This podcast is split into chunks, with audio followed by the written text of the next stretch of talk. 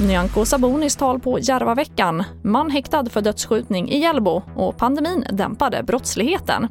Ja, här är TV4-nyheterna som börjar med att Järvaveckan är inne på sin andra dag och först ut idag var Liberalernas partiledare Nyamko Sabuni med två förslag. Hon pratade om att reformera föräldraförsäkringen och också flerbarnstillägget. Och vår politiska reporter Ulf Kristoffersson kommenterar talet.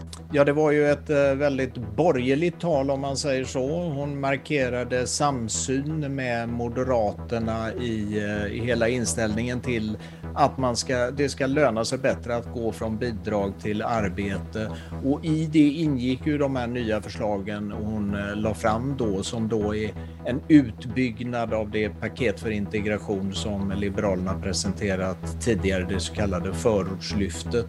Och nu riktar, riktas det in in på föräldraförsäkringen och flerbarnstillägget. Eh, och då, eh, det, det var ju två förslag. Det ena handlar om att man ska öronmärka månader, alltså ha pappamånader hela vägen i föräldraförsäkringen och sen eh, reformera flerbarnstillägget som hon säger så att det är inte ger lika mycket pengar till de som har många barn. Hon sa det inte rakt av men när de säger reformera så handlar det om att man ska sänka flerbarnstillägget.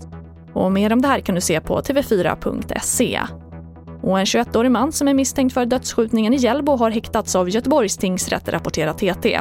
Genom sin advokat nekade 21-åringen till mord och mordförsök men erkände att han gjort sig skyldig till grovt vapenbrott och grovt olaga hot. Mannen som dödades var i 40-årsåldern. Och vi avslutar med att pandemin har enligt en ny global studie hämmat brottsligheten i många städer i världen, det skriver DN. I studien ingick statistik över polisanmälningar om misshandel, inbrott, rån, stölder, fordonsstölder och mord från 26 städer i 22 länder.